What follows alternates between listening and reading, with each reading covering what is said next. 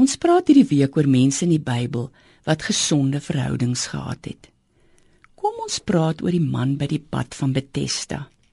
Hierdie man was 38 jaar lank siek. Jesus maak hom gesond met die woorde: "Staan op, tel jou goed op en loop." Later loop Jesus hom in die tempel raak en sê vir hom: "Moet nou nie meer sonde doen nie, sodat daar nie iets ergers met jou gebeur nie." Ek het altyd baie gewonder oor die man van Bethesda. Wat het van hom geword nadat hy gesond geword het? Kon hy sy gesond word in goeie verhoudings omskep? Die eerste ding waaroor ek wonder, is wat het hierdie man gemaak met Jesus se woorde: "Moet nou nie meer sonde doen nie sodat daar niks ergers met jou gebeur nie." Ek dink Jesus het juis daarmee bedoel dat hy nie homself heeltyd aan sy eie sondigheid en sy potensiaal om te sondig moet herinner nie.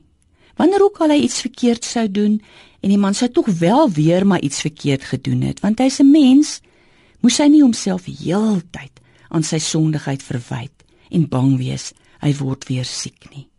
Hy moet leer uit sy foute en aangaan met die lewe. Die tweede ding waaroor ek wonder, is of die man van Bethesda nie dalk bos spelerig en beter weterig geword het nie het hy homself nie dalk aangestel oor ander mense wat fisies minder gesond was as hy nie. Het hy dalk homself voorgehou as 'n groot gesonde mens wat nou sonder sonde is en 'n gesonde liggaam het om dit te bewys. Nee, dis tog ook waarteen Jesus hom waarsku. Om nie te dink hy sonder foute en dat iets ergers om dan dalk sou oorkom nie. Ek het 'n derde ding gewonder en gehoop. Dat die man van Bethesda sy potensiaal as 'n gesonde mens sou ontwikkel het. En nou dat hy deur God aangeraak is, dat hy sou groei uit sy ervarings van siek wees en gesond wees en dat hy ander mense daarmee sou help.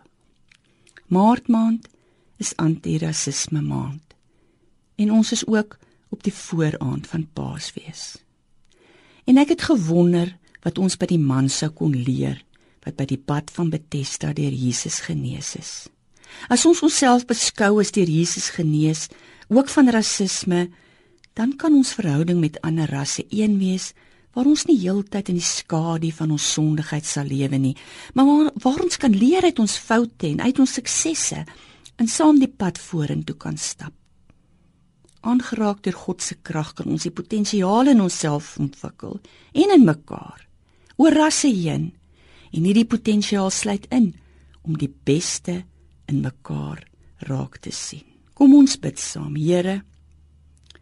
Dit is die vooraand van Paasfees.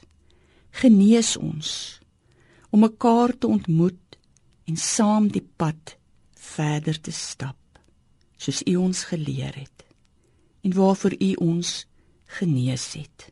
Amen.